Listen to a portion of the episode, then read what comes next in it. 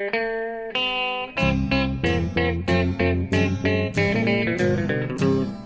the good old hockey game is the best game you can name. And the best game you can name is the good old hockey game.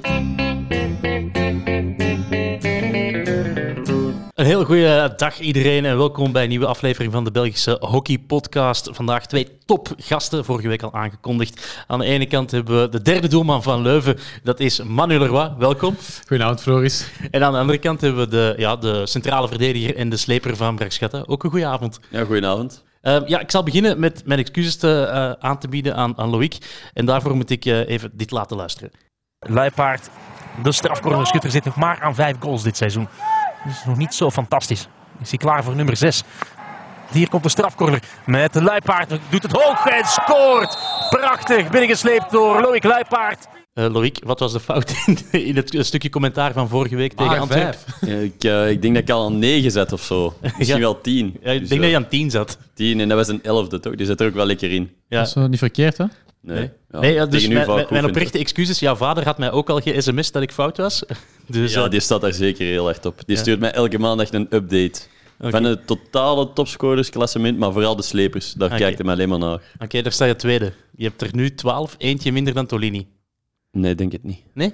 Nee, ik ik heb al verkeerd twee maal de update vandaag gekregen. Oké, ik, eh, ik, degene die ik heb bijgehouden, en dat kan fout zijn, hè? Eh, Waarschijnlijk wel. Hè. nee, Jij want ik staat heb, de eerste of wat? Op uw update.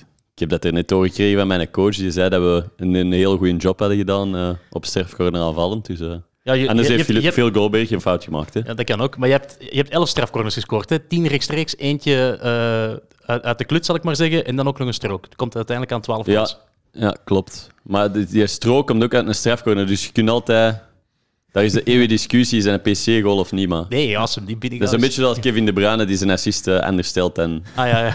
snap je? Dat is eigenlijk, eigenlijk wel een mooi compliment, maar dat is zo het enige compliment dat kan gemaakt worden over Brakschatten. Oh, het gaat meteen Eh, ja, we hebben zeker eh, niet gepresteerd hoe dat we wouden presteren. Ik denk dat we tegen alle kleintjes gewonnen hebben. En, eh, en de rest, alles dat boven ons staat, hebben we gewoon verloren. Buiten tegen Dragon. Toch een puntje gepakt op vrijdagavond. Dus. Ja. Mhm. Maar dat was niet wat dat we ervan verwachten.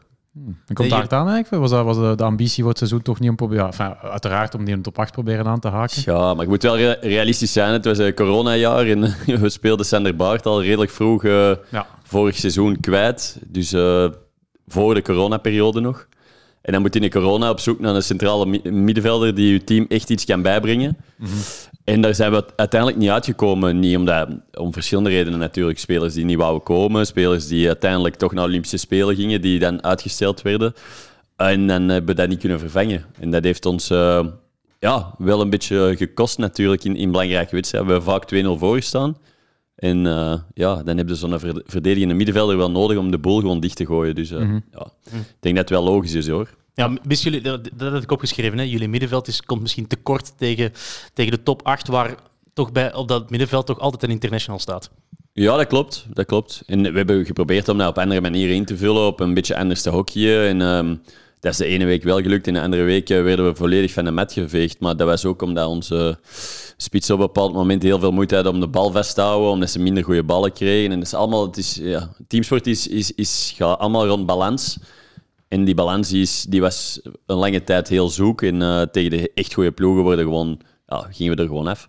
Mhm. Jullie worden uiteindelijk negende, denk ik, eh, of eh, tiende. Tiende. Tiende worden jullie. Waar hebben jullie het laten liggen? Want jullie komen maar een paar punten tekort. Ja, ik denk, ehm, ik denk zeker de thuiswedstrijd tegen Heracles.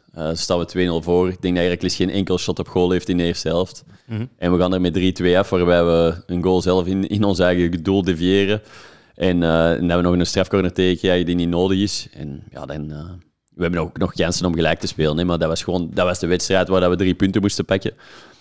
Hetzelfde op de gewoon, we staan 2-2. We staan eerst 2-0 voor, 2-2. We hebben een corner in de laatste minuut. Ja, als die binnen gaat, dan pakt hij daar wel drie punten in de plaats van één.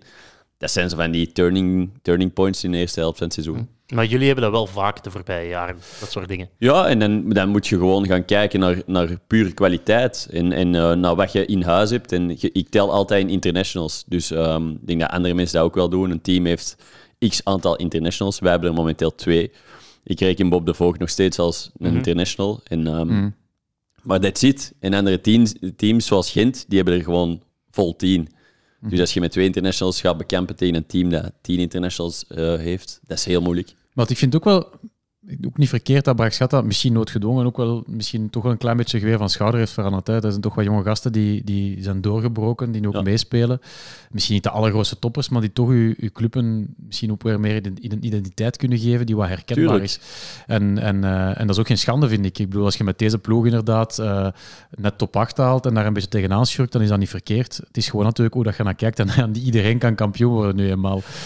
Nee, en, en je moet daar ook niet over liegen. Ik denk dat de club ook de afgelopen jaren wel een moeilijke periode is doorgegaan. En dat is nu allemaal wel ongeveer opgelost. En we hebben geno- genoodzaakt de kaart van de jeugd getrokken. Maar er zijn een paar spelers die enorm goed evolueren en die, die echt de komende jaren het Brax-DNA moeten brengen. Dat is iets dat bij ons heel belangrijk is. We hebben gasten als Mats Hannes, eh, Matthias Kuipers verloren. Dat waren de gasten die het Brax-DNA brachten. Nu zijn dat eh, Olly Biekes, eh, Tobias Biekes en die boys. Ja, die zijn nog heel jong en heel, heel ruw. Maar als ik zie hoe dat Tobias de afgelopen weken heeft gespeeld, en, eh, dat is toch een pluim op zijn hoed. Ja, jullie, eh, jullie spelen dan die laatste wedstrijd. Jullie waren ja, mathematisch nog niet uitgeschakeld, maar het geloof was, was wel... Met hoeveel moesten jullie winnen van Beerschot en hopen op een gelijkspel? Ik heb, ik heb gehoord dat jij 23-0 hebt gehad, maar ik denk dat je vergeten zei als wij er 10 maakten, dat Beerschot er ook 10 tegen Ah, ja. kreeg. Dus het was, Ja, ja. Het, was, het was dus 11 of 12. Ah, 11 of Floris, je 12. zit echt wel het verliezen, hè, vriend. Ja, nee, maar ik, ik, moet- ik ga eerlijk bekennen, ik, ik ben echt... Het, het- deze moet hele gewoon ronde, te veel ik was voetbal niet op, doen. Ik was niet op niveau.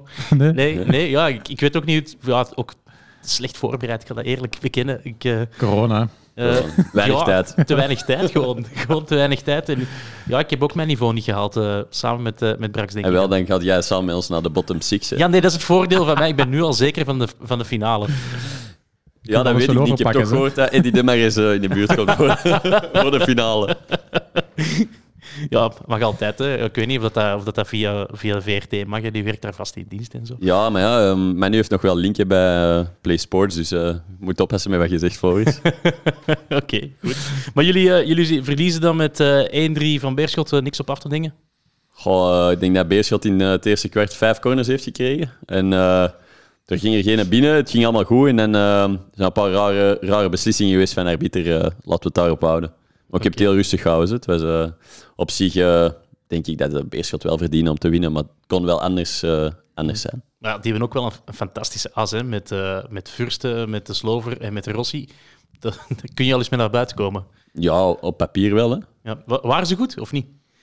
Ik, ik denk dat de Slover een van de beste spelers in de competitie is, al enkele jaren. Dus die is altijd wel op appel. Ehm, ik denk dat er een beetje overdreven is gedaan over Fürsten, eh, persoonlijk.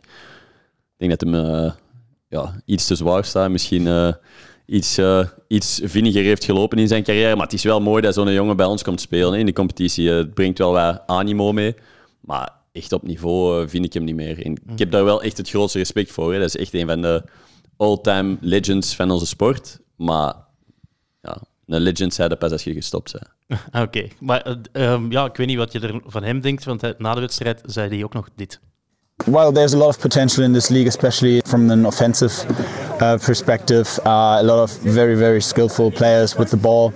Defensively, I don't think the level is as high as in the Dutch or the German league. The structure is just different and, and not as well constructed. So yeah, that's also maybe why the offensive part uh, seems to be so good. maybe because the defense is not as good. Die geeft daar wel een stevige veeg eh, eh, uit de pan aan alle verdedigers in onze Wauw, ik competitie. denk dat dat gewoon vergelijkt met de Duitse competitie. En ik kan me daar wel iets bij voorstellen dat er daar iets eh, eh, tactischer en misschien wat behoudender gespeeld wordt. Ik zou het nu niet meteen als een belediging oppakken. Ik denk dat er inderdaad gewoon een ander DNA van competitie is. Ik denk dat Nederland eh, eerder de volgas aanval is, Duitsland wat meer structuur erin. En dat wij daar ergens tussenin zitten, hangt er een beetje vanaf, denk ik. Ja, ik denk dat Duitsers gewoon heel... Ja, die zijn gewoon opgegroeid met mandekking. Dat is gewoon Ook dat. in bread and butter en dat is wat zij doen. En, en in België, sorry, maar we zijn wereldklasse op vlak van zone al jaren. En wij hebben dat zelf ontwikkeld met de nationale ploeg en dat is doorgecijpeld naar de clubs. Er zijn heel veel clubs die echt, echt goede zones spelen. Kijk naar Gantoise. Dat is een van de beste zonestructuren en meest gedisciplineerde teams die ik ooit heb gezien. Toen wij daar tegen speelden, je vindt daar geen, geen gat in. En, en, en dat is gewoon, dat is, die maken gewoon een zone waar dat je echt, echt moeilijk tegen kunt hockeyen. En ik denk dat hem daar een beetje bedoelt, dat de mandekking en het individueel verdedigen misschien wel ehm, soms beter kan. En ik, ik ben daar ook wel gedeeltelijk mee eens, maar ik denk wel dat een Duitser altijd moeite zal hebben met zone. Oké. Eh, Is, het- is het niet zo dit seizoen, van wat ik gezien heb eh, op Play Sports altijd met Floris, eh, de indruk dat het eh, niveau iets naar beneden is gegaan, de algemene competitie. Ik had het gevoel dat, dat, dat ik niet veel kwaliteitsvolle, echt kwaliteitsvolle wedstrijden heb gezien. Misschien ook omdat het voor in seizoen is, Mhm. met die hele nieuwe competitie opzet. En ook maar die ik heb, corona-breaks en zo. ja, ook dat waarschijnlijk. Maar ik had toch het gevoel dat, dat ik miste wel wat niveau. Eh, is dat een juiste observatie? Ja, ik denk dat je niet mocht onderschatten. De enige gasten die iets of wat hebben doorgetraind zijn de internationals, de Belgische internationals. En dus ook Argentijnse jongens die hier normaal van heel hoog niveau zijn, hebben op bepaalde weken gewoon stilgelegen of met vier man op een veld getraind. Je weet hoe dat, dat is. Dat is totaal niet hetzelfde. Dat is totaal andere training. En ik denk dat dat onze competitie natuurlijk wel heeft beïnvloed. Ehm, ik verwacht in een tweede ronde wel een beter niveau als er gewoon kan doorgetraind worden, ook door de winter in januari. En Ja. hangt er allemaal een beetje vanaf, ja. Mhm. Ja, ik ben ook wel een beetje op mijn honger blijven zitten. Maar we hebben natuurlijk ook niet alle topwedstrijden gekozen natuurlijk voor de Dat speelt ook mee. Ik had die wedstrijd gisteren tussen Leopold en, eh en Gantois wel willen zien. Dat, le- dat leek mij wel een, echte waardemeter. Ja, Namur Dragon was natuurlijk niet echt... eh, Nee, nee, daar zullen we het straks nog over hebben. Daar kan ik ook een hele boom over opzetten. Eh, ik wou nog één dingetje aanstippen bij jullie bij, uh, bij Bergschatta. Ik vind dat Alex Casasayas een beetje tegenvalt. Ik vind, het is me lastig om daar nu over te praten. Zijn ploeg Nee, ik vind het niet lastig. Ehm, ik denk dat wij allemaal, en hij zelf ook, ehm, meer verwacht van zijn niveau. Maar dat is, dat is een beetje het probleem met jongens die stoppen bij de nationale ploeg. Ehm, je moet niet vergeten, het is een, eh, die werkt gewoon eh, fulltime in België in een bedrijf eh, waar die, is een IT-gast. dus die zit de hele dag te coderen en daarbij speelt hij hockey. En hockey is niet meer zijn prioriteit en dat zie je ook. En ja, dan kom je in een verhaal waar het verwachtingspatroon iets te groot wordt voor eh, wat je nog zelf kunt. En ehm, ja. En ook, ik denk, ik denk onderschat wordt dat je... Sommige jongens hebben echt wel één, twee, drie seizoenen nodig om in een nieuwe competitie echt hun draai te vinden. Het zijn- is redelijk zeldzaam, denk ik, dat er spelers naar België komen die meteen echt op het topniveau acteren. Tenzij het echt spelers zijn zoals de Ieren zijn altijd wel redelijk meegevallen eh, in mijn beleving, omdat die natuurlijk om een, ook een beetje vechtershockey daarin wil passen. Maar je ziet soms van die Argentijnen komen die dan... eh, dat zijn toppers en, en als je dan op, op plein ziet, dat eigenlijk best wel tegenvalt. Dus het is ook niet eenvoudig, denk ik, om, eh, om zo in een ploeg te komen. Als het dan bovendien ook niet draait, eh, dat- ah, dan, dan, dan is het ook moeilijk om te excelleren natuurlijk. ja, de spits is altijd gewoon dat is de optelling van al de rest. hè. Als spits eh, presteren, dan is dat de verdediger in het middenveld echt goede ballen aanbrengen en dat die in goede posities komen om te scoren. En ja, daar zijn ze bij ons niet heel vaak geweest. Ja, en ik heb- moet zeggen, de wedstrijd die ik van jullie heb gezien, eh, recent op Gantoise en zo, dan, ja, dan zit ik ook wel te kijken naar van, ah, Bob de Voort, wat gaat hij brengen? Maar die kan natuurlijk ook niet alleen. Die kan natuurlijk eh, een half plein oversteken, maar als hij het helemaal alleen moet doen, zal het ook niet lukken. Nee, nee, nee, dat is inderdaad waar. Is het ook niet dat bij de, bij de vorige clubs waar zij allebei zaten, Casasayas bij Polo, denk ik, en eh, Bob de Voogd bij eh Oranje Rood, dat zij gewoon ja, beter omringd zijn, omdat die ploegen gewoon veel meer internationals hebben? Ja, maar dat is wat ik wil zeggen. Hè. Dus als je jongens achter je hebt staan die je betere ballen geven, die, je, die zorgen dat je in scoringsposities komt en ook de spitsen waarmee dat je speelt. Hè. Zijn dat combinatiespitsen, zijn dat spitsen die in de bal komen, dat is allemaal van belang.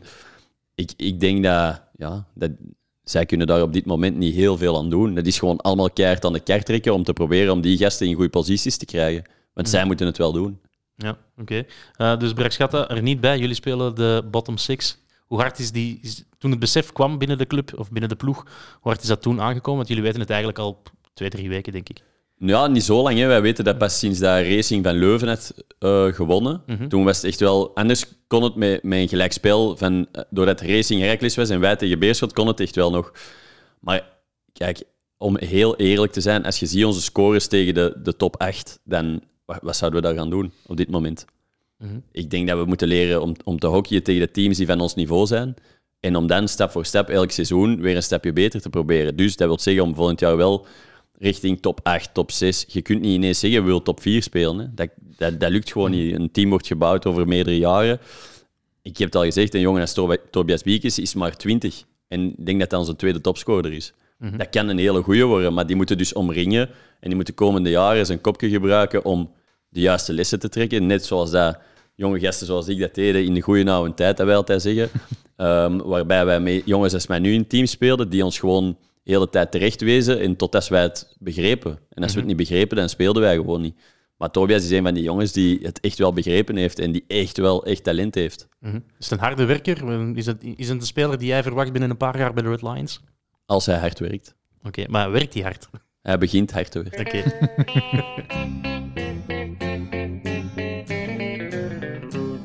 Er waren uiteraard nog genoeg andere wedstrijden afgelopen weekend. Ik was uh, gisterenochtend al vroeg op de baan. Het was nog donker toen ik thuis vertrok. Uh, uh, op weg naar Namen, naar Muur Dragon 0-6. Ja, totaal overbodige wedstrijd. Bos Willard mocht in de goal staan bij Dragon. En Cedric Charlier die, die hoefde zelfs niet af te komen. Die is net vader geworden, dus Ja. mocht hij bij zijn gezin blijven. Ja, ik, ja, ik weet eigenlijk niet wat ik ervan moet vinden van zo'n wedstrijd. Want je kunt niet zeggen of Dragon nu goed heeft gespeeld of niet. Dat is heel lastig, omdat ja, de tegenstand gewoon ja, veel te beperkt is. Ja, je hebt het altijd wel gehad. Hè. Ik denk dat dat niet nieuw is, dat er ehm, het verschil, de gap tussen ja, de Eredivisie en daaronder is gigantisch groot. En ik, ja, vroeger, toen we met, eh, nog met minder ploegen waren, nog de twaalf ploegen, dan had je ook altijd eigenlijk, wist je op voorhand bijna, kon je bijna aanvinken van die twee ploegen gaan zakken. En dan wist je in principe dat je een rustige zondag had als je daar thuis of uit moest tegenspelen. In Maar jullie durfden daar dan wel eens gaan verliezen. Ja, dat is waar. dat is ook waar. Maar in principe wist je al van oké, die twee ploegen, daar gaan we het wel tegen halen. En, en natuurlijk heb je dit seizoen met, eh met Namen en met Old Club er wel twee rondlopen waar je denkt van ja, limiet. Dan heb je nog Dering, die het ook heel veel verloren hebben. Die dan nog wel best veel punten hebben gehaald, vind ik, eh, naar hun mogelijkheden. Die, worden er niet, die gaan niet van het veld af met 7 met 7 Nee, met 8 nee, maar- met 13-0. Nee, en ja, Namen, dat is, je, je kan er ook, moet er ook respect voor hebben. Hè. Die, die hebben ook niet het geld om, eh, om zwaar te gaan investeren. Dus proberen het gewoon te doen met de jonge jongens van de club. En ze hebben dan nog een paar, een paar oude rotten uit de mineur eh, van stal gehaald om eh, de schade wat proberen te beperken. Maar ja, we hadden die, die hadden ook denk ik niet meer verwacht. Eh, ja, de Old Club had gewoon nul punten. En zij hadden er vier, was het zeker, Namen. Ja. Eh, dus ja, die weten op voorhand al dat, ze zich, eh, dat het heel lastig gaat worden. En zelfs nu met die bottom six, ja, in principe gaan die er ook gewoon terug af. Hè. Mhm. Ja, maar is de competitie gebaat bij, bij ploegen die niet eens de rol van scherprechter kunnen spelen? Dat je, dat je misschien heel weinig punten pakt op het einde van het seizoen en die je zakt, daar heb ik op zich niet zo heel veel problemen mee. Maar je moet toch wel tegen ploegen, je moet er wel een wedstrijd van kunnen maken, toch? Ja, in principe wel, maar ik denk dat dit ook weer een heel speciaal seizoen is met die, met die hele corona en die, ja, die, die speciale structuur van competitie. Dat is ook gelukkig maar voor één jaar, als ik het goed heb. Is misschien maar goed ook, eerlijk. Eh, in principe, ik snap natuurlijk dat er, dat er promotie-degradatie moet zijn, maar ik denk dat we niet bij gebaat zijn van dat er, twee, dat er drie ploegen opkomen, of, of zelfs twee is eigenlijk al, is Ja, nu best wel nu is het veel. veranderd. Hè. Eén ploeg Inderdaad. stijgt. Wel, ik denk dat dat lijkt mij ook een iets, eh, iets beter systeem. Eh, net omdat de, de gap gewoon tussen beiden zo, zo groot is. En Mhm. ja, dat heeft ook weinig zin. Hè. Hoe vervelend moet het zijn om, om bij Oud Club te spelen? Met alle respect voor die gasten die elke zondag waarschijnlijk hun kop er ook voor leggen. Mhm. Maar om echt nul punten te hebben... Ik, Ja. ik ben liever eh, ja, in- ergens in tweede klasse de top spelen, maar dan toch af en toe eens winnen. Want ja, dat geeft ook energie en, en positieve vibes en, en, en, en, kameraadschap. En, en, eh, en s'avonds een pint drinken met een overwinning is toch veel plezanter dan elke week opnieuw eh, met nul punten achter te blijven. Ja, maar kun je het ook niet vergelijken als een, eh, als een Belgische voetbalclub die dan plots Europees speelt in de Champions League? Dat niveau is ook veel te hoog. Oké, Club Brugge heeft het nu goed gedaan, hè, maar door de band genomen hebben Belgische voetbalclubs daar weinig te zoeken. Maar je speelt wel plots tegen de wereldsterren. En dat heeft zo'n club als Old Club natuurlijk ook. Hè. Die spelen plots tegen die Red Lions, tegen die Argentijnse internationals. Ja, je hebt er wel een heel jaar voor geknokt. Je hebt dat ook wel afgedwongen natuurlijk. Ja, maar Club Brugge die spelen op zondag gewoon weer tegen Sint-Truiden. hè. Dus die kunnen dan weer wat vertrouwen tanken en het plezier terugvinden met een overwinning. Maar Oud Club is gewoon elke week eh, een strijd. En ik denk dat ze hier of daar wel eens dichtbij zijn geweest. Maar echt nul punten, dat moet verschrikkelijk zijn. Eh, kan echt niet plezant zijn. Mhm. De andere wedstrijd, Old Club, ja, die verloor dus met eh, 9-1. Drie doelpunten, of tegen Wadux hebben ze verloren, niet vergeten te vertellen. Eh, drie doelpunten van William Guillain. Ja, Jean Willems, ik heb de indruk dat hij op heel korte tijd wel iets heeft neergezet bij Wadux. Ik had ze niet zo hoog verwacht in het klassement, als ik heel eerlijk ben. Ja, maar als er één ding is dat je van Jean Willems kunt zeggen, is het hem discipline en, eh, hoe zeg je dat? hè? Ja, à la baguette in het Frans. eh, die zet gewoon een ploeg neer. En we hebben daar tegen gespeeld en ik heb wel een paar eh, dingen gezien die mij ja, eigenlijk blij maakten. Want ik vond Wadux altijd een beetje een team dat veel talent, maar niet per se super gedisciplineerd. En, en nu is het echt... eh, ja, het is echt, echt, echt heel sterk. Tegen ons waren ze echt goed. En wij waren niet eens zo slecht. We stonden ook 2-0 voor of 2-1 aan de rust. En toen, eh, toen zijn ze echt een vers- versnelling hoger ge- geschakeld. En ze hebben daar een paar goede jonge gasten ook. Eh, dat helpt wel, maar het is, het is echt wel een goede ploeg. Ja, en, en, Jean, dat kan echt, Jean Willems. eh, ik denk als ik op mijn carrière terugkijk, dat hij een van de tactisch, misschien wel een van de beste coaches is waar ik mee gewerkt heb. Eh, hij kon heel snel wedstrijden lezen en eh, hij werkte ook echt op tactische details. En ehm, hij kan inderdaad echt een ploeg neerzetten en er ook echt wel discipline in slijpen. Daar heeft hij ook wel, eh, ja, de power voor om dat af te dwingen bij zijn ploeg. Dus ik vond dat een supergoeie move voor Wadux om eigenlijk iemand te pakken die misschien niet per se bij de clubcultuur past, maar die mhm. wel iets extra kan bijbrengen. En die inderdaad die discipline en, die, uh, en uh, dat, dat, dat, vechten daarin kan brengen. Want dan kan wat ik ver geraken. Vroeger waren inderdaad uh, de roepers, de blijters, bij wijze van spreken, net tegen mm scheidsrechters. Da, daar lachten we dan wel eens mee. Hoewel ze wel een aantal keer kampioen zijn geweest, uiteraard. dat we dan niet vergeten. Maar nu denk ik wel dat hij iets, iets extra kan brengen. En, dus, dus dat verbaasde mij ook niet echt dat die, dat die het goed zouden doen. We hebben in de hele ronde maar één keer verloren. Ja. Tegen Beerschot, 4-3. Ja, ook raar dat die dan van Beerschot verliezen. Lijkt mij. Maar ze hebben ook een paar dingen. Hè. Ze hebben een hele goede corner met Charlet. Ze mhm. hebben een hele goede keeper, denk ik, met Simon van den Broek, die toch, denk ik, top 3 van de competitie zal zijn. En er worden in 80% van de wedstrijden win je de PC-battle. Ja, en Dat, is, dat, is, dat is heel vaak heel belangrijk. Mm. Dus ja, en dan heel veel, ja, echt wel goede jonge spelers. Hè. William Guillain is daar dan misschien uh, het, uh, het uh, uithangbord van, van die jonge generatie, maar je hebt er dan nog wel een paar. jongens die ook allemaal ja, de EHL hebben gewonnen. Oké, het was niet met het mooiste hockey, maar ze hebben er wel voor geknokt, want heel veel blessures toen, dat pak je wel mee natuurlijk. Ja, en ook uiteraard de ervaring van Gauthier Bocard, dat nu ook echt al een routinier is geworden. Mhm. Eh, dat is ook echt wel topkwaliteit. Hè. Dus ze hebben ook Charlet, op die as zit, zit ook weer goed in elkaar. Hè. Ze hebben... Vergeet niet, daar speelt ook gewoon Elliot van Strijding. Ja, ja, ja, dat bedoel ik met die as inderdaad. Elliot van Strijding, Victor Charlet, dan kan je Gauthier Bocard kan je overal zetten, maar nu vaker op het mhm. middenveld. Dan vooraan heb je ook met, met Tommy Willems, William Guillain, zoals uh, Patje Pangerazzo. Dat, is gewoon, dat is gewoon kwaliteit. Hè. Dat zijn gasten die ook gewoon elk jaar hun doelpunten maken. Dus uh, het verbaast me ook niet. Ik zag die ook wel als een van de, van de outsiders om, om het goed te doen dit seizoen. Mm, ja, ik, ik, ik had een beetje schrik, omdat ja, John John Domen was er dan weg. En ja, dan, dan denk je toch, ja, dat op een of andere manier het hart uit, uh, uit die ploeg wegtrekt, maar dat blijkt dan helemaal niet zo te zijn. Ja, maar dat, dat, is, dat, is, dat heeft weer met evenwicht te maken. En na een tijd is, is uw effect op een groep soms ook weg. Hè. En, en soms is het beter om ergens anders uw geluk te gaan zoeken en u te ontwikkelen op een andere manier. En hij heeft dat nu zo gekozen omdat hij ook in de coaching wou steppen. En dan staan andere jongens weer op een andere manier op. Ik, ik, ik zeg het verlies als van Vincent Van Esch. Ja. Ja, ook Veel meer doorwegen. maar ja. Ehm, ja, ik denk dat ze wel natuurlijk een goede move hebben gedaan door Simon terug te halen van Beerschot. Um, die is echt een jongen van de club en mm. hij is een groot talent, dus waarom niet? Mm ja, en uh, die andere ploeg ja, waar John John de Men naartoe is getrokken, Oré, won met uh, eh, 3-1 uh, van, van Dering. Ja, Oré heeft het gewoon uitstekend gedaan hè, in, in het kampioenschap. Heel goed begonnen. En dan had ik heel even het gevoel dat ze een dipje kenden, maar ze zijn er dan toch op tijd uitgekomen. Ja, ik, ik, heb mij wel, ik stel mij wel vragen voor de tweede ronde. Um, als je ziet... Ik, heb de, ik analyseer heel veel, de Floris, een mm. hockey-nerd. Uh, maar die, hebben, die hebben aanvankelijk tegen alle kleintjes gespeeld. En ja op een of andere manier krijg je dan toch je team op de rails. Je krijgt geen, geen uh, 4-3 rond je oren van een team uh, dat, dat ineens... Uh, ik bedoel, als je dan alles wint, dan staat er goed voor en dan kun je een beetje achteruit leunen. En het is zeker een goed team, maar ik vraag me echt af wat ze gaan doen in die poelen van vier tegen teams die echt met mes tussen de tanden heen en terug wedstrijden tegenin gaan spelen. Ik mhm. kijk er naar uit eigenlijk. Ja, ze zitten in de poelen met, uh, met Waduk samen met Leuven en Beerschot. Um, ze hebben natuurlijk al wel vier punten voor op Leuven. Dat is op zich ook wel een poelen waar je wil in zitten eigenlijk. Hè? Ja? Ja, ik zou toch liever daar zitten dan in die andere poelen. Uh, ja, onderling wel, maar als je dan tweede wordt in de poelen, kom je wel tegen Gantoise uit in de Oké, maar ik bedoel, om uit die poelen te geraken, maar in die andere poelen met, uh, is het, Gantoise... Leopold, Dragon en Racing. Ja, en dan Leopold en Dragon. Fantastische poelen, hè? Ja. Dus uh, ja, Dragon heeft niet veel speling om, uh, om, om, om ja, moeten voor die tweede plaats moeten spelen. Hè. Dus uh, je hebt daar heel weinig speling toe. En die andere poelen in principe, ja, Beerschot, ik weet niet, misschien is dat gewoon ook historisch, dat ik denk, ja, je wint altijd van Beerschot. Of ik kon toch wel altijd van Beerschot. Maar dat is, dat is op zich een goede ploeg, maar die, die zie ik misschien minder, minder ver doorgeraken. Dus ik, ik zou liever in die poelen zitten, ja. Mhm.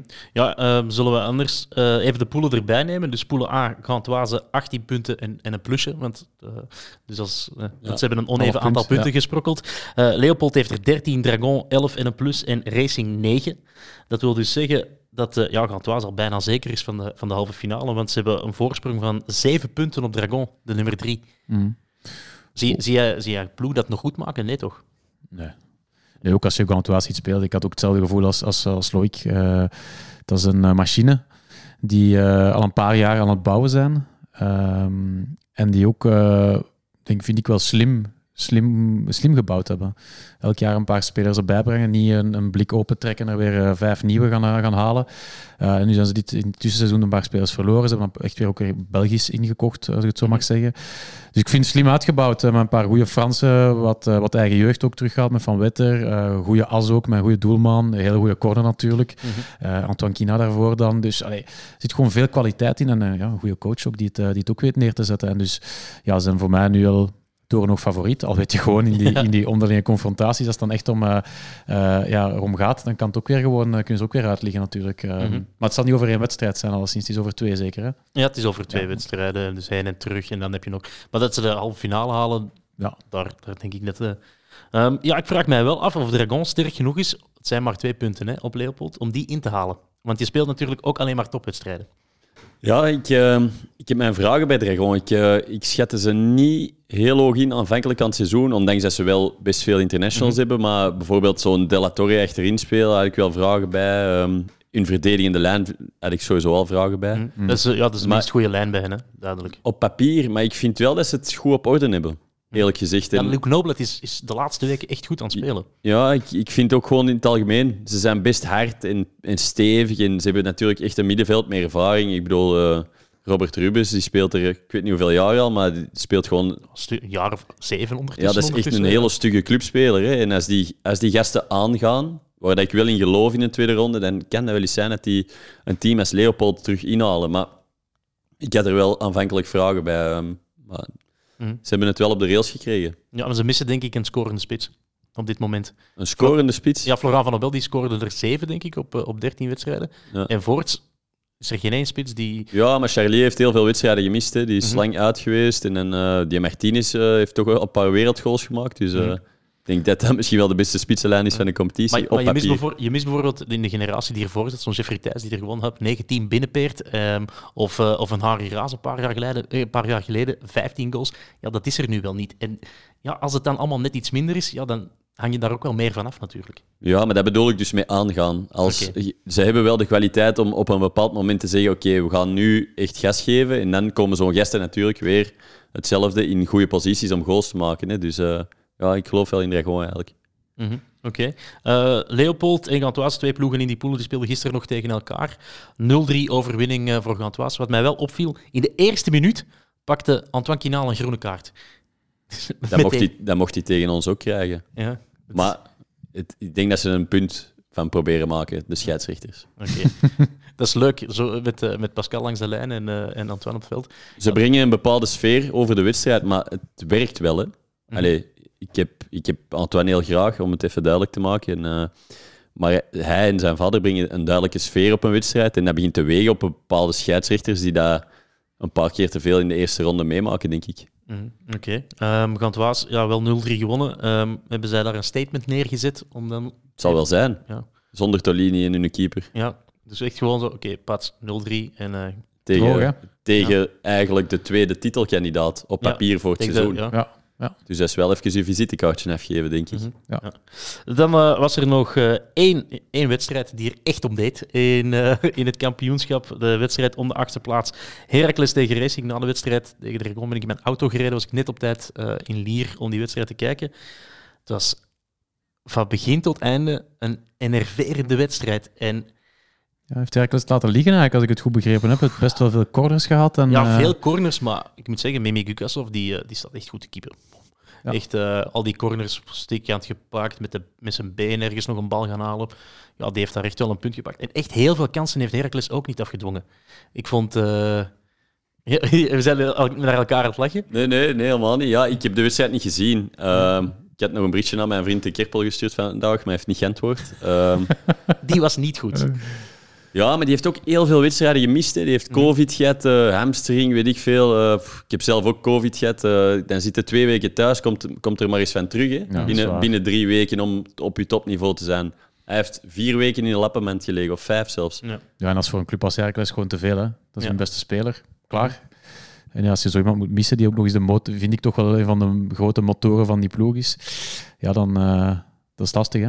Mm-hmm. Ja, maar Victor Wenier was er niet bij bij Racing. Die was, is toch ook wel een serieuze aderlating. Ja, dat klopt. Maar, maar ik moet zeggen, Chuck ook... die, die, die ging dan op middenveld spelen in plaats van voorin. En ja, die was, die was fantastisch gisteren. Ja, die heeft nog goede ristjes, hè. Ja, dat is echt- Leuk om naar te kijken. Maar echt, ook iedere pas gewoon strak in de... In de en dan- merk je plots van, ja, dat is echt gewoon een, een echte klasbak. Hè? En zeker... eh, Ja, maar dat is een beetje wat ik bedoel met aanstaan. Ja. Er zijn bepaalde spelers en, en dat is een bepaalde kwaliteit die je kunt hebben en die je kunt brengen op momenten dat het echt nodig is. En ja, zo'n Chuk Truijs, die doet dat al jaren. Hè.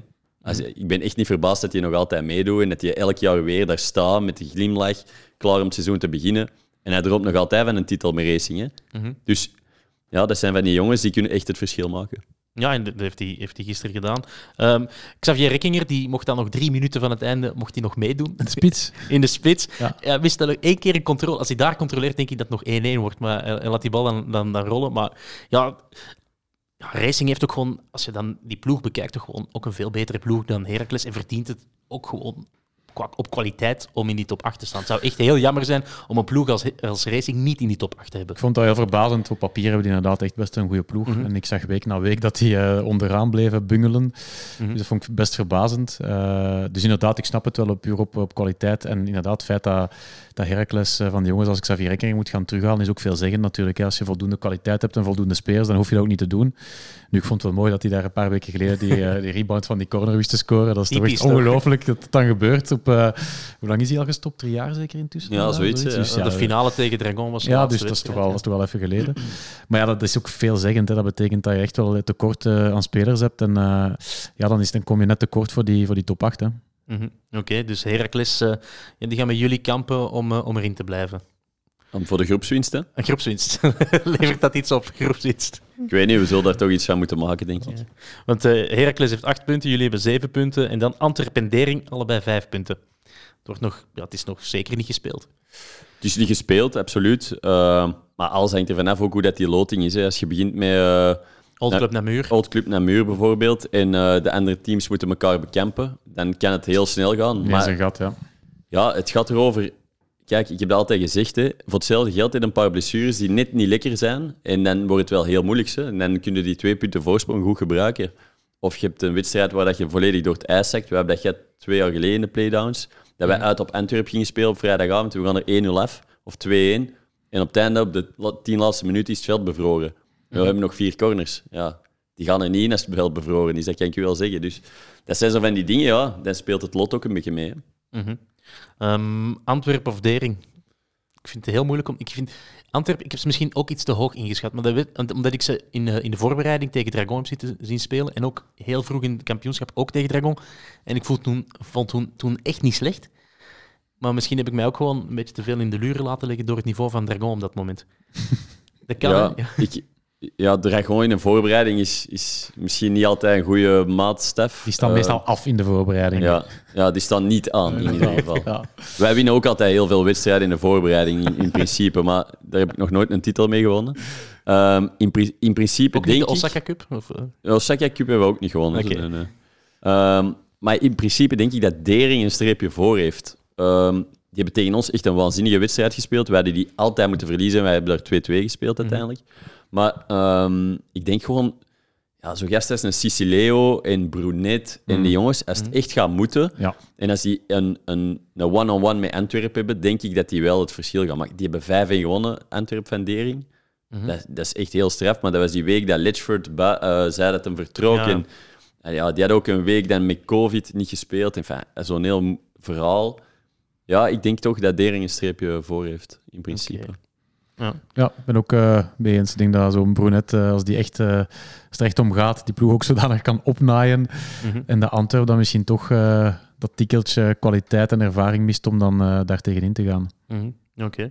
Ehm, ja, we zullen het zien eh, na de winterstop. Het zijn, eh, het zijn nog, eh, hoeveel wedstrijden moeten die spelen? Die spelen er nog tien. Ja, Dat is nog wel... eh, is goed voor mijn palmarès. Hè. ah ja, dan kan je topschutter worden. Tien, tien wedstrijden extra. Ah, topschutter eh, wint ook niks mee. Het staat toch mooi op je palmarès. Ja, maar Ja, pas op. Ja, alsof jij het niet leuk vindt als ik dan zeg de strafcornerkoning. Aan. Ja, oké, maar dat kun je ook zeggen als ik niet topscorer ben. dat zou gelogen zijn. Maar ja, ik heb al eens gelogen op antenne. Dat hebben we, Ja, dat klopt, dat klopt, dat. Ja. Ehm, Oké, dat was het eh, voor, de, voor de eerste ronde. Zijn er nog dingen die jullie zijn opgevallen tijdens die eerste ronde? Ehm, nee, eentje die mij in positieve zin is opgevallen. Ehm, ik vond het leuk dat, dat Daan Drijver bij Antwerpen onder de lat stond. Mhm. Eh, ik heb nog een tijdje, een paar jaar geleden, wat keeperstraining gegeven. En ik vond hij ook echt een, eh, een groot talent. Mhm. En ik vond dat mooi om die nu aan de oppervlakte te zien komen. En in de wedstrijd dat ik er van hem gezien heb, was hij echt wel oké. hè, want voor nog toch een jonge Mhm. gast. Het is niet gemakkelijk om als jonge gast in zo'n ploeg te staan. En oké, hij krijgt dan wel twee strafcorners van, eh van Loïc binnen. Tegen, eh, eh, maar dat was ook geen schande. Ik bedoel, de eerste was schandalig slecht uitgelopen. En de tweede ja, was ook gewoon goed gepusht. Mhm. Maar ik vind dat mooi, omdat ik ook wedstrijden van hem heb gezien dat hij eigenlijk gewoon ballen heeft gepakt. Ik vind het belangrijk, gewoon een keeper die de ballen die je moet pakken op strafcorner bijvoorbeeld, gewoon die ballen hup, die binnen jouw zone komen, gewoon pakken. En hier of daar ook nog eens een goede redding erbij doen. En ik vind dat dat... Dat is, dat is voor mij echt een, een groot talent die, die, die het wel ver zou kunnen schoppen als hij er echt ook hard blijft voor werken. Mhm. Maar ja, je moet ook gewoon geen domme dingen doen soms op, het, op een veld. Als ik die wedstrijd tegen Dragon herinner... Ja, maar ik heb hem ook toen een berichtje gestuurd van... eh, want hij begon nog... eh, ja, hij maakt dan die fout en dan moet je ook gewoon accepteren dat het fout is en niet beginnen van nee, nee, niks gedaan. Maar op zich, ook niet erg, hè. Ik moet er gewoon uit leren, hè. Als je daar komt, dan moet je gewoon met die stick vol die bal wegkeilen en, en klaar. En dat is het gewoon. Als het niet lukt, oké, dan moet je gewoon die kaart pakken en eh, gaan zitten. En dan heb je weer een belangrijke lering getrokken.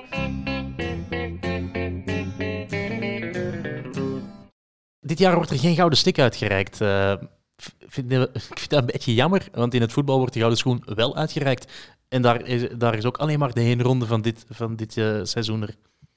Ja, ik denk dat het een beetje een eh, populaire keuze misschien is om dat niet uit te reiken. Als je het zo voelt hè, rond, rond hockey. Maar ja, ik, ik vind sowieso al dat een gouden stick eh, heel moeilijk te bepalen is. Mhm. Maar laat staan op 13 wedstrijden waarvan als ik moest, nu zou moeten stemmen, denk dat ik de helft van de wedstrijden of meer niet heb gezien. Nee, nee, dat is waar. Ja. Dus ik dat heb is ook het echt gevoel zot dat ik er heel weinig heb gezien eigenlijk. Mm. Ja. En uiteindelijk vind ik ook altijd dat de gouden stick moet gaan naar iemand die in de playoffs uitmuntend was. Die zijn ploeg ook nog Die op de belangrijke momenten... Tijdens de money Ja. time echt het verschil heeft gemaakt. En dat kan ik nu echt niet zeggen. Er zijn geen money time games geweest buiten gisteren Mhm. op eh Heracles. En toen was Chok eruit, stond aan. Waarom niet? Ja. Nee, ik, eh, ik had twee mogelijke eh kanshebbers. Tom Bon en Antoine Kina.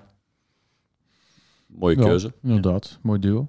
Ja. Ik zou, Ja. ik zou spontaan Antoine zeggen, omdat, omdat hij natuurlijk een jonge gast is die een, ja, een gigantische progressie heeft gemaakt, een stormachtige ontwikkeling heeft gekend. En eh, misschien omdat we wel te veel gewoon zijn aan de 50 doelpunten per seizoen van Tom Boon, of, of 30 doelpunten. Ehm, maar dat, zijn, dat is een mooi duo, denk ik. Het zijn toch twee die, die er niet ver zullen vanaf zijn als, het, eh, als ze sterk presteren in de terugronde. Mhm. Oké, Eh, dus eh, logisch dat er dan geen wordt uitgereikt. Momenteel, maar Ja. ik snap ook niet waarom dat je altijd rond kerstmis de gouden stick Ja, uitreikt. ja, je moet op het einde van het seizoen uitreiken. Eigenlijk moet je gewoon de week na de playoffs de stemronde afsluiten, twee weken later uitreiken. En dan heb je nog een beetje plezier van. Mhm. Ja. Stel je nu voor dat je op deze periode nu een zware blessure hebt en eigenlijk je gouden stick van het vorige seizoen krijgt. Eh, Ja. Ja, dat- oftewel moet je het doen zoals in het voetbal. Hè. Echt gewoon ja, Halve seizoenen, hè? Ja. halve, de twee halve seizoenen en dat is dan een heel jaar. Dat kan ook. Hè. Ja. ja, maar ik denk zo na de playoffs. Een soort van MVP hè, Ja. na de playoffs vind ik eigenlijk leuker dan een gouden stick. Mhm. Misschien als er een sponsor is die daar een, eh, een prijs aan wil vasthangen. Ja, maar ik bedoel, ik ben ooit derde geworden of zo van een gouden stick, terwijl ik zesde in de competitie was geworden. Mhm. Ja, dat vind, ik vind niet dat ik in de buurt zou moeten zitten. Was dat niet dat jaar dat jullie naar de play-offs gingen? Nee, dat is het jaar dat wij vijfde of zesde werden. Gelijk met Leo toen. Ja. Maar in ieder geval, mijn mening is gewoon dat je, om dat echt te verdienen, een gouden stick, moet in de playoffs gewoon echt goed zijn. Oké. Dus En, en er mogen meer titels zijn. Hè? MVP, beste doelman, beste verdediger, maak het maar Ja, zoals, de, zoals de profvoetballer van het jaar, hè? beste keeper. eh, iets meer product van maken. Nu, Ja. de Gouden Stick, dat is een event waar echt niet veel mensen op aanwezig zijn. En, en dat nee, het, is, niet... het is wel de echte inner circle. Hè. De Ja. twee nationale ploegen. De, Ja, maar dat bedoel ik, dat is een beetje jammer. Dus je kunt dat product echt beter uit, uitwerken. Dat is de avond waar ik op de hele avond Frans moet praten. Want, het is met, eh, want ik zit aan tafel met alleen maar... Dat is een goede De, oefening. de- ja, dat wel. maar met de collega's. En dat zijn eh, over het algemeen allemaal Franstalige Ja. collega's. Maar goed, Eh, voor mij hoeft dat... Dat is niet de reden om het dan wel of niet te doen, natuurlijk. Ja, nu we toch bezig zijn over, over product maken. Ik heb het gevoel dat het hockey ja, niet alleen een beetje aan, ter plaatse aan het trappelen is qua product, dat het zelfs een beetje aan het afkalven is de laatste jaren. Ja, De competitie dan bedoel ik, hè? Het is sowieso een heel moeilijk jaar. Eh, Ik denk niet alleen voor het hockey, ik denk voor eh, andere sporten ook. Maar een, een veld zonder mensen rond is voor mij heel raar. Eén, dat, kun je aan, dat krijg je aan niemand verkocht, dat product. Maar ik denk wel dat clubs nu in de corona wel, allee, al die livestreams die zijn opgezet, eh, er komen wat samenvattingen naar buiten, er komen toch wat wat is Bruxelles TV en dan Ring TV en whate- whatever, die komen toch allemaal proberen filmen en doen. Dus ik denk dat die livestreams misschien wel de toekomst zijn. Ehm, maar het moet in, ik denk dat het allemaal in, in, in, een, in eenzelfde eh, pakketje, Format, ja. pakketje en format moet gegoten worden. Eh, bij wijze van spreken, de THL is daar volgens mij de, de, ja, de hoofdverantwoordelijke voor om, om een format te creëren voor alle clubs dat gewoon ja, toepasbaar is. Mhm. Maar zit er iemand bij de THL die iedereen in dezelfde, in dezelfde richting kan krijgen om dat product dan te maken? Ik denk dat wel. Ik heb nu uit eerste hand eh, ervaring met, eh, met THL gehad en met hockey. Ik, ik, ik geloof wel dat er in de vier jaar tijd, nu dat het op, het, eh, op Play Sports is uitgezonden geweest, dat de clubs een geweldige kans gemist hebben om... Ja, want we zitten nu in het de- zesde seizoen, denk ik. Dat Ja, maar ze hebben een geweldige kans gemist eigenlijk om, om de keuze van te verlengen of niet voor Telenet heel makkelijk of heel moeilijk te maken. Eh, ik weet nu ook niet wat de contractbespreking zit. Ik weet zelfs niet, dat is niet meer mijn winkel. Maar het zou me niet verbazen dat op een bepaald moment misschien Telenet zegt van kijk, eh, we zijn al daar die en die en die rechten kwijtgeraakt. Eh, Oké, we gaan een beetje moeten kostkutten en zo. En dat hockey dan verdwijnt. En dat zou ik, denk ik, vind ik, deels ook aan zichzelf te wijten hebben. Eh, dus er, zijn, er zijn te weinig clubs die de, de, de, de mogelijkheid te baat hebben genomen om er echt iets van te maken aan dat product. Eh, dus ik weet nog dat er, eh, toen, dat we daar, toen bij Play Sports er nog zelf voor werkten, ehm, ja, als ze dan moesten eh, cameraposities geïnstalleerd worden, dat clubs begonnen moeilijk te doen. eh, dat ze, de, als, de, als de camera's eraan stonden, dat er dan plots ook nog eens twee camera's van de regionale tv naast stonden, zonder dat we daar iets van wisten. Dat ze dan ook altijd dat ze moeilijk deden als de camerapositie gezet werd, juist om volk aan de overkant te kunnen zien, dat daar dan moeilijk werd over gedaan. Ja, je moet ook wel een klein beetje meedenken natuurlijk, hè, met, die, met die broadcaster die eigenlijk op, eh, op totaal onbekend terrein komt, op eh, velden die daar letterlijk niet voor voorzien zijn voor, voor tv-captaties. Ja, dan moet je ook wel een beetje willen meegaan. En dus ik vind persoonlijk dat het daar een geweldige kans gemist is geweest om er echt een product van te maken. Ehm, en natuurlijk is het ook gewoon zo, ja, voor Telenet dat was altijd een investering waarvan ze wisten, ja, er zal waarschijnlijk geen 100.000 man kijken naar die hockey. Maar als je dat product beter maakt en die hype kan aan de gang krijgen, dan had dat wel iets kunnen worden. Zeker met de geweldige internationale resultaten die in de tussentijd werden, werden die, die toch wel behaald werden door de Red Lions en, en de Panthers in mindere mate. Dus ik vind het wel- eigenlijk wel een jammer, een gemiste kans. Want ik heb ook het gevoel dat de, inderdaad de tv-captaties ook niet beter zijn geworden, zelfs misschien wat zijn teruggeschroefd. Terwijl er ooit nog een, een finale is geweest, eh, waar ik weet eh, dat we dan eh, op Braxata was het denk ik, Dragon tegen... eh, Uh, waar, zelfs, eh, waar we zelfs willen toen experimenteren met een, een bodycam, eh, waar we eh, de doelman willen uitrusten met een bakje om zijn hartslag te kunnen meten, waarbij je dan eigenlijk kon eh, zien dat in de piekmomenten die hartslag naar boven of naar beneden ging en zo. En ook daar weer, dat was een hele strijd om dat, om dat gedaan te krijgen, omdat uiteindelijk clubs dan toch weer te conservatief zijn en te veel bezig zijn met oei, wat gaan ze dan zien van ons? Nee, gewoon doen, innoveren, eh, meegaan in die trends en dan kan je gewoon een, een van de voorlopers worden.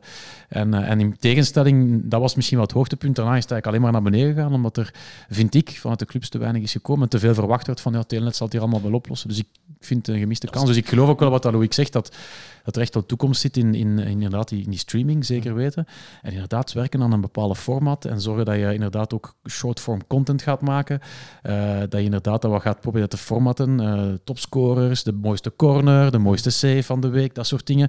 Dus je, je zit gewoon op een berg content die echt wel goed is, maar je moet er wel iets mee doen. Ja, want ik zie geen enkele club eigenlijk, die, die samenvattingen die dan Play Sports maakt, oké, die zijn niet elke week even fantastisch, maar die zijn door de band genomen, is toch, halen altijd wel de lat die, die, om erover te springen. Ehm, maar geen enkele club doet daar iets mee. Daar, ik heb ook nog, ik weet, misschien gebeurt het, hè, maar ik weet van geen enkele club die zegt, ah, kunnen wij van die wedstrijd die en die fases hebben, dan kunnen wij dat delen op onze, op onze sociale media. Nee, maar ik denk dat tv één, één aspect is van wat er beter zou kunnen, maar over het algemeen zijn er heel veel dingen die voor het hockey en voor het product van het hockey beter kunnen. Ik vind ook achterhaald dat wij altijd met, met alle ploegen op zondag om drie uur spelen.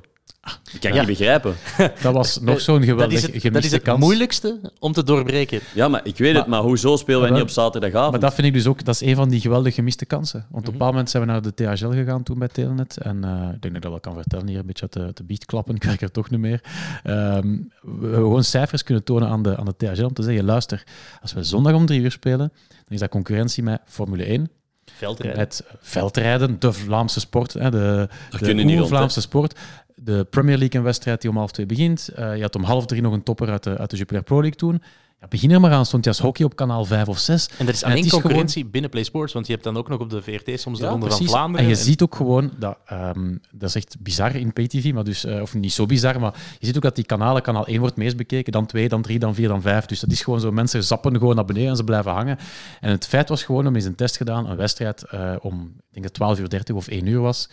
En die had best wel goede kijkcijfers. Waarom? Er was niks anders. En er zijn mensen die gewoon tv aanzetten en naar sport kijken, zoals ze soms ook gewoon, ik soms golf opzet, terwijl ik niet echt actief aan het kijken ben, maar toch een beetje volg. Dus, en dat was zo moeilijk om een aantal clubs zover te krijgen om die wedstrijd om dat uur te krijgen. En dan denk ik van, kom aan, dat is nu toch niet zo'n geweldige opoffering om daar eens mee in, in na te denken. Dus ik volg meteen helemaal wat jij zegt. Ja, ik, ik zit eerder ook naar, naar de, de modale hockeyfan in België die elke zondag een keuze moet maken. Die gaat kijken naar eh, Leo Weddux en terwijl is er eh, aan de andere kant uh, Dragon tegen, weet ik veel, Brax of tegen Beerschot. Een, een wedstrijd die echt aantrekkelijk is. Waarom speelde die niet, oké, eenmalig om zaterdag om 8 uur of, of uh, vrijdagavondwedstrijden? De clubs zijn daar volledig tegen, maar vrijdagavondwedstrijden zijn voor spelers echt uniek. En dat is al heel lang zo. Die zijn zot leuk. Alle kinderen hebben net getraind. Ouders zitten nog op het terras. Ja. Ouders zitten nog aan de bar. Er is tenminste volk. Maar je, je, zou een flexibel format moeten creëren waarbij dat... Ja, je weet gewoon, je speelt uh, twee keer op vrijdagavond, twee keer op zaterdagavond en de rest is op zondag. Mm -hmm. En in heel je eerste ronde weet je perfect, dat weekend, dat weekend, oké. Okay. Ja. En dat heeft niet zoveel invloed op je trainingsweek, op je recovery. Ja, dat heeft misschien een beetje invloed op de nationale ploeg, maar dat is dan één week voor een paar spelers. Oké, okay, dat valt nog wel mee dan. Ja, absoluut. Ja. Ja, vrijdagavondwedstrijd. Ik ben, uh, een paar jaar geleden was er een inhaalwedstrijd tussen Heracles en Leopold. Het seizoen dat Heracles de finale haalde. En dat, dan ging het tussen, tussen Leopold en, en Heracles. Ik kan u verzekeren, het hele Antwerpse hockey minnend, allee, uh, Antwerps minnend hockey, die wereld die was daar. Ja. Ik, want ieder, ik, ik, weet dat mensen bij Heracles ook zeiden, oh, iedereen is hier. Ieder, je ja. zag supporters van Dragon, supporters van Brakschatta, supporters van Heracles zelf natuurlijk, maar ook van Beerschot. kwamen allemaal kijken naar die ene wedstrijd. Ja, maar dat is toch iets waar we terug naartoe moeten. Het was vroeger altijd... Het lijkt altijd dat het vroeger beter was, maar vroeger was, was naar het hockey gaan echt iets... Oké, okay, je doet dat met je vrienden en je ziet dezelfde mensen terug. En, en ik heb het gevoel dat dat er een klein beetje uit is aan het gaan. Misschien meer in het Antwerpse dan, dan in Brussel. In Brussel mm. vind ik dat er wel nog best veel mensen zitten. Maar ja, ik denk toch dat we daar eens terug moeten over nadenken of dat we niet richting een flexibel format kunnen. Mm -hmm. En ja, ja, de clubs die willen alleen maar om, om drie uur. Ja, ik, ja. Is het dan ja, onwil, onkunde, onwetendheid? Dus denk ik dat iedereen zit zo vastgebakken in zijn, in zijn eigen routine. Dus ik snap dat ook nog ergens wel. Maar er zou wel eens iemand mogen opstaan die zegt van laat ons nu eens echt nadenken over een aantrekkelijke format voor onze doelgroepen. Mm -hmm. Dus inderdaad, uh, ook eens uh, een beetje onderzoek doen, eens kijken wat dat daar het beste zou zijn. Ook eens met de tv, met de broadcasters praten, wat testen doen, links en rechts. En inderdaad, een beetje flexibiliteit aan de dag leggen. Mm -hmm. Ja, maar ze hebben bijvoorbeeld nu uh, um, noem dat, die licentie. Ja. ja. Dus ik kan me inbeelden dat vroeger zou... Vroeger uit op Leuven, als je op vrijdag moest spelen, dat was horror, want die lichten ja. waren echt niet goed. Ja, amai. Oh. Maar Leuven zit nu in een, nieuw, in een nieuw pakketje en die lichten zullen wel top zijn. Ja. Maar ik kan me inbeelden dat in je licentie, een van de eerste dingen die je daarin zit, je moet zoveel luxe kunnen produceren, zodat spelers op een deftig niveau kunnen hockeyen. Dus dat maakt avondwedstrijden mogelijk, Inderdaad. in mijn ogen. Dus ja. Ja. Ik bedoel, misschien dat die licentie wel iets aan, aan het rollen brengt. Ik weet er ook niet alles maar, over. Waar, waarom heeft de THL geen, ja, geen, geen, geen CEO, geen manager die gewoon betaald is? Vast, dat dat ja, misschien niet fulltime zijn job is, maar misschien wel parttime. Dat is, dat is toch iemand die dan... Ja, en dan moet het ook wel iemand zijn die van wanten weet natuurlijk. Maar het kost ook gewoon geld. Hè. Dat is ook gewoon, dat is ja. gewoon in, maar nu is er toch iemand in dienst, hè? Is, uh, is uh, Geraldine uh, Chardon. Ja, die is toch in dienst, dus... Ja, maar dat is, de, natuurlijk de, de, de, de beweging van bond en liga is natuurlijk uh, zo oud als de straat al en mm. is vaak een conflictueuze relatie. Dus tot totstandkoming van die THL heeft best wel wat voeten in de aarde gehad. En natuurlijk dan kom je ook op het, op het veld van wie gaat nu het geld in, een, in, de, in, in Kazu, de sponsorship bijvoorbeeld. En dus bij de voetbalbond is dat makkelijk geregeld. De voetbalbond is de nationale ploegen en de Pro League doet gewoon de Pro League. En die mm. hebben hun eigen sponsors en die halen zelf geld binnen. En natuurlijk bij de THL en de voetbalbond was dat zeker aanvankelijk nog een hele moeilijke, want de, voetbal, de, de hockeybond, hockeybond excuses, ja. organiseerde ook bijvoorbeeld de finales, de, de, de playoff finales. Ja. Maar daar hadden de clubs ook van kunnen zeggen, ja, dat willen wij eigenlijk wel organiseren als THL en dat hoeft de hockeybond niet te doen. En dan ja, ze komen natuurlijk in een soort van conflict situatie van ja, wie gaat er nu het geld gaan binnenhalen? En dus vanaf dat de THL ook voldoende fondsen kan binnenhalen met de tv-rechten, niet zo makkelijk zal zijn natuurlijk. Maar sponsorship misschien wel. Uh, al komen ze dan wel in concurrentie met de hockeybond. Dus dat is altijd een beetje een, een, lastige situatie. Maar als er daar geld binnenkomt, en dan kan je ook mensen aannemen. Kan je, uh, of je moet echt mhm. mensen hebben die zeggen, we gaan hier echt gewoon in investeren met een, uh, met een visie van er geld aan te verdienen in de toekomst. Maar dat is natuurlijk niet zo gemakkelijk. Nee, maar als je, ik hoor wel eens bij de bond dat ze soms als sponsors moeten weigeren, omdat dat ja, zijn conflicterende, of hoe moet je dat zeggen, of sponsors die in conflict zijn met elkaar. Dus het zeggen van, ja, sorry, we hebben al een automerk, we kunnen jullie hier niet aan boord. Ja, dat zou dan wel naar de THL kunnen gaan, denk ik dan. Ja, van de voetbalbond, daar kun je ook wel sponsors gebruiken. Anders, uh, nee, maar dat, klopt natuurlijk. Dus, uh, maar er zijn gewoon, er zijn gewoon ja, er zijn best wel sponsors geïnteresseerd in, in hockey, maar natuurlijk nog niet met die bedragen. Uh, nee, natuurlijk niet. Je mag ook niet vergelijken met voetbal, maar je moet vergelijken met, met volleybal of zo. Hè. Ja, dus dat moet ook wel, ik denk wel dat dat mogelijk moet zijn om daar ook sponsors voor te halen, maar dan moet je eerst uit die, uit die soort van conflictueuze relatie met die bond, en ik weet voor alle duidelijkheid niet of er nu een conflict is of mhm. niet, maar ik kan me wel iets bij voorstellen, dat natuurlijk niet de makkelijkste relatie is als je alle twee hetzelfde wilt. Mhm. dus uh, dat, uh, dat ja, iedereen wil, ja, de bond wil die hockeyfinales organiseren en natuurlijk wil de THL het ook doen. Ik weet niet hoe de situatie nu is, maar ik weet dat een paar jaar geleden dat, wel, uh, dat, dat natuurlijk wel een beetje een conflict was. Mm Zou dat iets voor jou zijn om de, de manager van de THL te worden? Dat jij, je hebt toch marketing? of, ik heb sportmanagement gestudeerd, ja. stage gelopen bij fantastische director Manu Leroy bij PlaySports. nee, ik, ik heb daar zeker wel interesse in. Ehm, in, in, in sport in het algemeen. En ik denk daar ook best wel veel over na, samen met een paar andere teamgenoten van de Red Lions. Die, ja, we zijn gewoon heel begaan met hockey. Hè. Dat is wat wij ademen, eten. Wij, dat is het enige dat wij willen doen. En ik denk dat dat in de toekomst um, misschien ook wel zal gebeuren. Dat er een paar jongens die nu bij de Red Lions zitten, als die um, even een andere weg uitgaan, dat die wel terug in het hockey zullen komen en eerder richting uh, het beleid. En ik denk dat dat ook alleen maar goed is, omdat mm. ja, wij zijn opgegroeid met hockey en, en wij hebben daar echt altijd de beste bedoelingen bij gehad. Wij hebben ook nooit gedroomd van wat wij nu hebben gehaald. Maar ik denk dat we ook in het beleid van, van het hockey in België iets uh, meer kunnen verwachten. Mm. Ja. Uh, wat, ja, het hockey, in, vooral in, in Franstalig België, wordt dat eigenlijk nog wel best goed gecoverd, vind ik. De, regionale zenders komen daar, denk ik, bijna elke week wel uh, een reportage draaien. Um, ook in de kranten staan al die uitslagen. Hoe komt dat het dan in Vlaanderen niet zo is? Ja. En wat moeten we doen om dat te veranderen?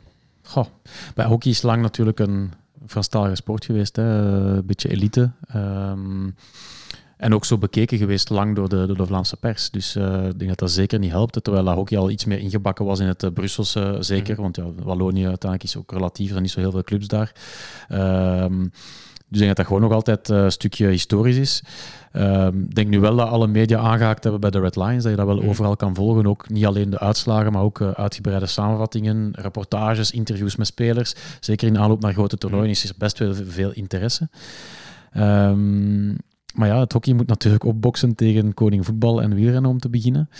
Mm en wat dat natuurlijk geweldig zou helpen, is dat ze natuurlijk meer en meer beelden op uh, overal komen. Uh, dus ik heb het niet alleen over de samenvattingen, maar ook inderdaad, hè, dus de, niet die ene wedstrijd die op Play Sports was, maar als die andere wedstrijden bijvoorbeeld gestreamd worden, als er ook veel meer content wordt rondgemaakt, samenvattingen, wat ik zeg, een paar leuke formats, dan kan dat misschien wel beginnen aantrekken. Mm -hmm dat, dat, dat, dat zeker wel zou helpen. Um, maar goed, hockey blijft ook natuurlijk met, wat is het nu, 50.000 leden, ook niet de, de grootste sport van België. Hè, dus, nee, maar, uh, allee, er zijn wel 50.000 leden. Um, ik weet niet hoe dat zit in het handbal uh, of in het volleybal, maar die krijgen toch echt veel meer aandacht.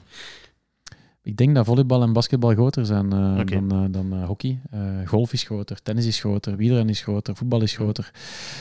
Dus in die proportionaliteit valt het al wel nog mee. Uh, al is het natuurlijk wel opvallend dat er heel weinig in de Vlaamse pers staat. Ja, er zijn ook gewoon weinig journalisten die zich echt kenner kunnen noemen. Ik denk dat jij een van de uitzonderingen bent. Uh, die inderdaad ja, ook gewoon het, het volgt, het echt volgt. En ook ja, in zijn vrijheid. nieuws moet ik wel zeggen, uh, Werner Thijs. Die, die is er ook wel vaak. Ja, ja dat klopt. Die heeft ook klopt. echt veel aandacht ook aan vrouwenhockey. Veel meer dan dat ik dat doe. Dus. Nee, maar er zijn zomaar een paar figuren. Maar je hebt ook zo, zo nodig. In, in, de, in de Waalse pers heb je natuurlijk de legendarische Jean-François Jourdain gehad. die met hand en tand nog altijd, denk ik, bij Libre Belgique vecht voor het hockey in de krant te houden. Je hebt dan Laurent Toussaint bij Le Soir. En zo heb je nog een paar van die journalisten die... die, die en dit, dat heb je, vind ik, minder in, uh, in Vlaanderen. Je hebt dan wel Eddy die, uh, die, die uiteraard is beginnen volgen naar de Olympische Spelen en op, op grote toernooien aanwezig is. Mm -hmm. um, maar je hebt zo echt van die figuren nodig die er gewoon elke week zijn, er ook over praten en, en, mm -hmm. en erover schrijven en reportages maken. En dat is, dat is net iets minder, denk ik, in Vlaanderen dan in Wallonië. Mm -hmm. En dan moeten we ook gewoon het hele format wat meer sexy maken. En...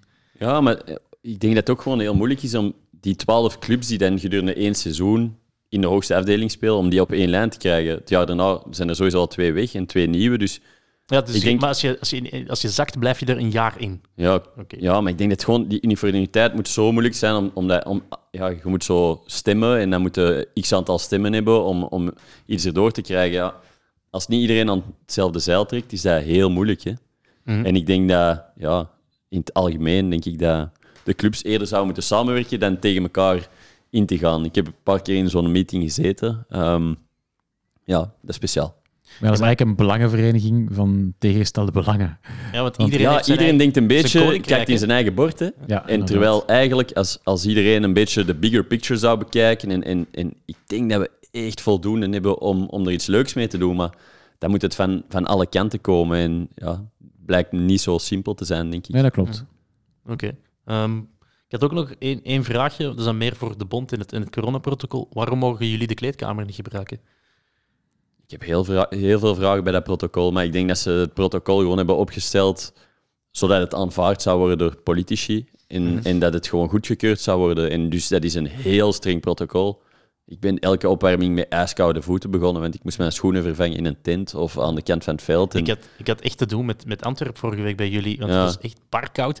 Jullie gingen nog in een, in een verwarmde tent, nee, nee, ik, die is niet verwarmd, die tent. Nee, nee. Ja, ze kon, maar jullie gingen dat ook uit de wind staan. Ja, ja het, was- het, is, het is echt wel heel raar geweest. Maar allee, je moet de bond ook bedenken, ze hebben Mhm. wel echt de moeite gedaan om dat protocol erdoor te krijgen na een paar weken. En, Nederland is niet gelukt, hè? Nee, Nederland is niet gelukt. En, Oké, je kunt commentaar op hebben dat ze iets meer proactief hadden kunnen zijn om, om dat wat eerder te doen. Maar oké, het is uiteindelijk toch gelukt. En we hebben gewoon wel leuke wedstrijden kunnen spelen. De eerste ronde is eh, afgewerkt. Ik bedoel... Had jij gedacht dat dat zou lukken, die eerste ronde afwerken? nee, het had een drama geweest mocht die niet afgerond zijn. Hadden wij die vijf, zes en sommige clubs zeven wedstrijden na januari moeten spelen, onmogelijk. dat had een drama geweest voor de Olympische Spelen. Wij, wil, wij hebben nu al een, een, een eh, beetje een onderbroken voorbereiding door eh, wedstrijden, spelers met COVID, spelers die een blessure hebben omdat wij heel lang hebben stilgelegen. En je wilt eigenlijk in alle sereniteit die Olympische Spelen voorbereiden. Dus dan wilde gewoon op zondag clubhockey spelen en de rest van de week liefst zoveel mogelijk de nationale ploeg zijn.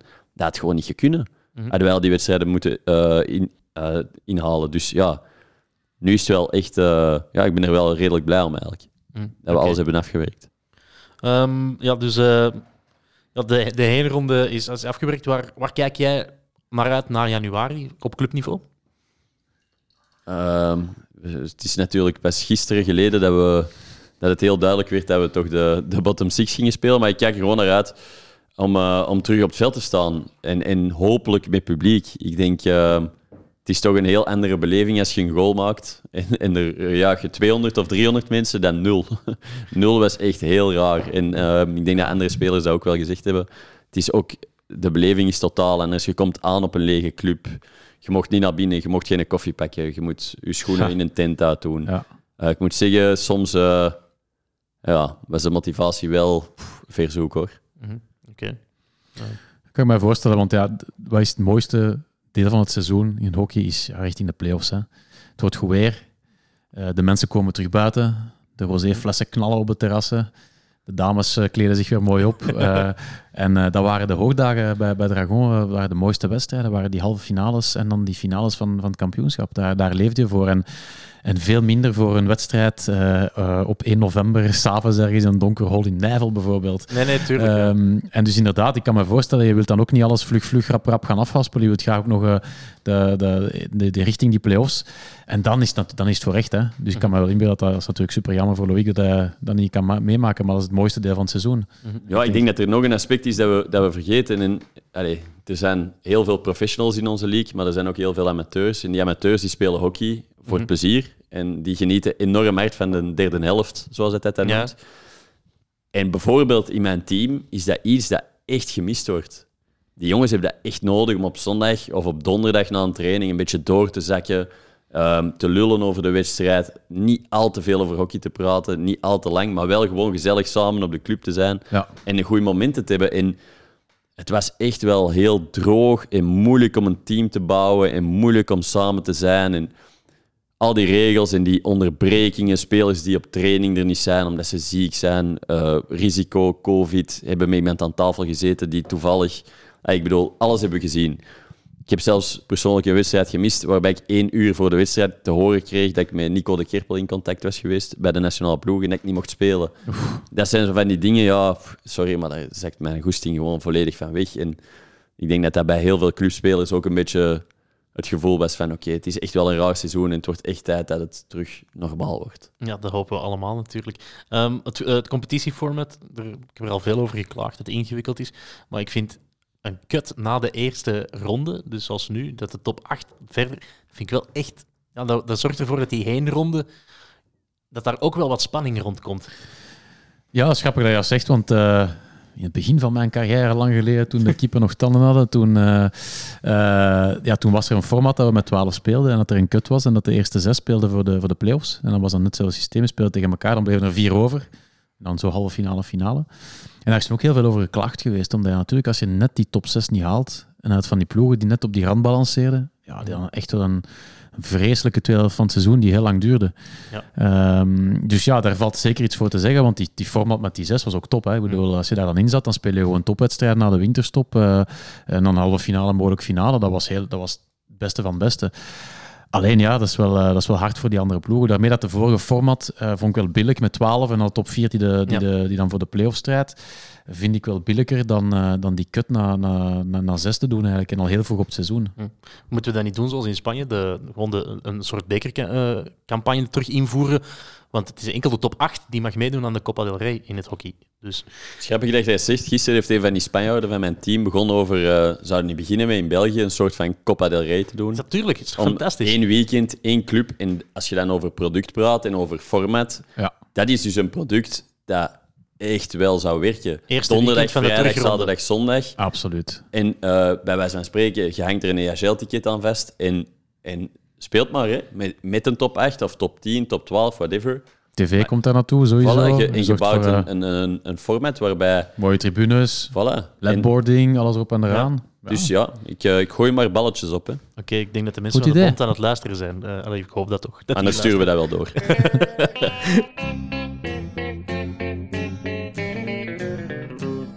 Oké, nog, ik had nog één dingetje aangestipt. Vandaag is ook bekend geraakt dat het EK 2023 in Mönchengladbach plaatsvindt.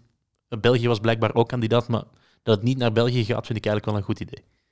Ja? Ja, omdat, ja voor, het, voor het Europese hockey. Hè, mocht Nee, het tuurlijk, iedere keer naar Nederland en België gaan. Ja, sorry. Nee, tuurlijk. Ik denk, eh, het had heel mooi geweest, maar ik denk dat alle spelers in België wel een beetje aanvaard hebben dat we nu eh, ja, twee mooie EK's hebben gehad hier in België. Is Pro Leagues erbij. En, ehm, ja, het, is, het is ook iets aan andere landen, denk ik. België zal wel al, alles gedaan hebben om te krijgen, maar ja, het mooiste net geweest dat het WK naar België was gekomen. hè. Dat, zou wel, dat zit er wel aan te komen, denk ik. Want je, kan, je kunt dat natuurlijk niet blijven in India organiseren. Denk ik natuurlijk, de, er spelen daar hogere belangen.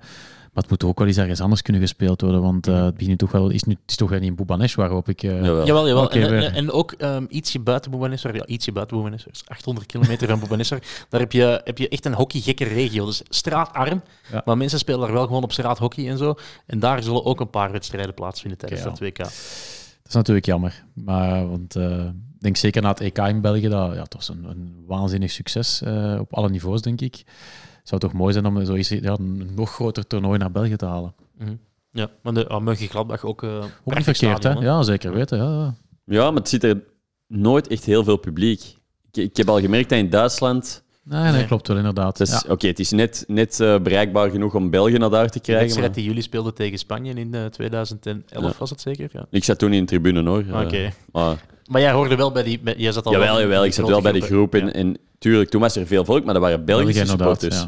Dat waren geen Duitsers. En, en dat vind ik altijd wel... In Nederland zit het stadion vol met Nederlanders en een paar Belgen.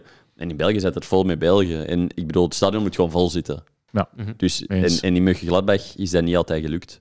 Oké, dus ook werk voor de Duitse... Duitse Hopelijk zijn die aan het luisteren. Dus mijn Duits is ook niet slecht, hè. anders vertalen we dit even. Eh, Oké, prima. Ehm, waar ik ook nog een beetje ehm, ja, wat, wat gefronst naar kijk na, nieuwjaar, dat is het laatste waar we het over gaan hebben, is ja, die EHL Cup, laten we zeggen de Europa Cup 2. Moeten we daar blij mee zijn of niet? Ja, niet echt. Hè. Eh, ik denk dat de, de EAL is ooit eh, op een ehm, ja, eigenlijk be- begonnen als een, een, een zeer ambitieuze, eh, vernieuwende competitie. Ik weet nog die allereerste keren, dat was toen de, de self-pass nog niet ingebeurd was en daar allemaal getest is geweest. Die allereerste EHL was ook met Jullie werden ook heel opgehaald. veel camera's. Sorry? Jullie werden toen ook opgehaald. Ja, dus je hebt mijn bus opgehaald, alles erop en eraan. Dat was met heel veel camera's. Dat was, eh, als je daar eigenlijk een, een video referral had, dan kon je uit ongeveer alle hoeken bekijken. Dus dat was toen echt fors in geïnvesteerd met het idee van we gaan er echt ook een topproduct van maken. En zeker die eerste jaren, dat was, een, ja, dat was echt een topproduct. En dan, ja, als die Belgische ploegen beter en beter begonnen te worden, dan al die supporters die meegingen, dat was, dat was echt top. En ja, ik heb het gevoel dat dat natuurlijk nu wel een beetje weg is met, eh, met, die, met die andere format natuurlijk. En dat dat wel jammer is, want dat vond ik persoonlijk toch wel de mooiste momenten om met die, die vriendengroep, hè, dus die, die Mhm. ploeg waar je mee speelde, om dan ook eens een weekend weg te zijn samen. En, dan die, en soms langer, hè, soms als je dan twee wedstrijden moest spelen. En dan ja, vooral winnen, supporters, feest. Je speelde ook een heel seizoen Europees. Want je begon in het, in, in het Ja, ja, najaar en dan twee Met weekends. een beetje geluk vertrok hij naar Barcelona in november. Dus hij was al drie, vier dagen weg met Voilà, vliegtuig. ja, Dat was en- een unieke ervaring. Inderdaad, en dat was gewoon dat was ook een de- een deel bonding met de ploeg. En dat Ja. zorgde er ook voor dat je echt een ploeg werd. En ja, wat ik ook hoor van die, van die COVID-situatie, niet samen na de wedstrijd of op donderdag iets kunnen drinken. Ja, dat soort dingen heb je nodig om echt een ploeg te worden. Dat kon soms echt helpen om dan die wedstrijd te spelen. Daarna kon je echt doorpoesten naar de rest van het seizoen. En, eh, en vooral ook richting die, die, die Final 8 en Final 4. Dat waren ook echt wel de leuke wedstrijden. Veel volk. eh, eh, ja, goed niveau, heel goed niveau. Dat was gewoon super plezant om te spelen. En ik weet niet wie daar nu zit op te wachten, eerlijk gezegd. Nee, het toernooi, de, dus de EHL Cup, dus de Europa Cup 2 zal ik het maar noemen, eh, die wordt op Dragon gespeeld. Het is wel, komen wel mooie ploegen. Dus voor de hockeyliefhebbers is het echt wel eh, om, om aan te stippen om naar Braschaat te rijden, want Rotweiss komt, komt Den Bosch, Campo de Madrid, ehm eh, Hempstead en eh, Westminster, dan ook nog wel Elektrostal, Minsk en Armine. Dat is misschien net iets minder, maar ja, die, die andere ploegen, want ik dacht eerst, oh, Europa Cup 2, dat zal Dragon dan wel winnen. Maar als ik dan kijk, Rotweiss Köln en zo, dat wordt dan toch, wordt toch een, een, pittig, een, eh, een, een pittig toernooi. Het is direct een knockout ook. Maar het doet eigenlijk denken aan de vroege Europa-bekers, Ja. hè, die ook werden gespeeld op één locatie. En dan speel je, ik heb nog meegemaakt in, in Minsk, god betert. Nee, in Brest, in Wit-Rusland.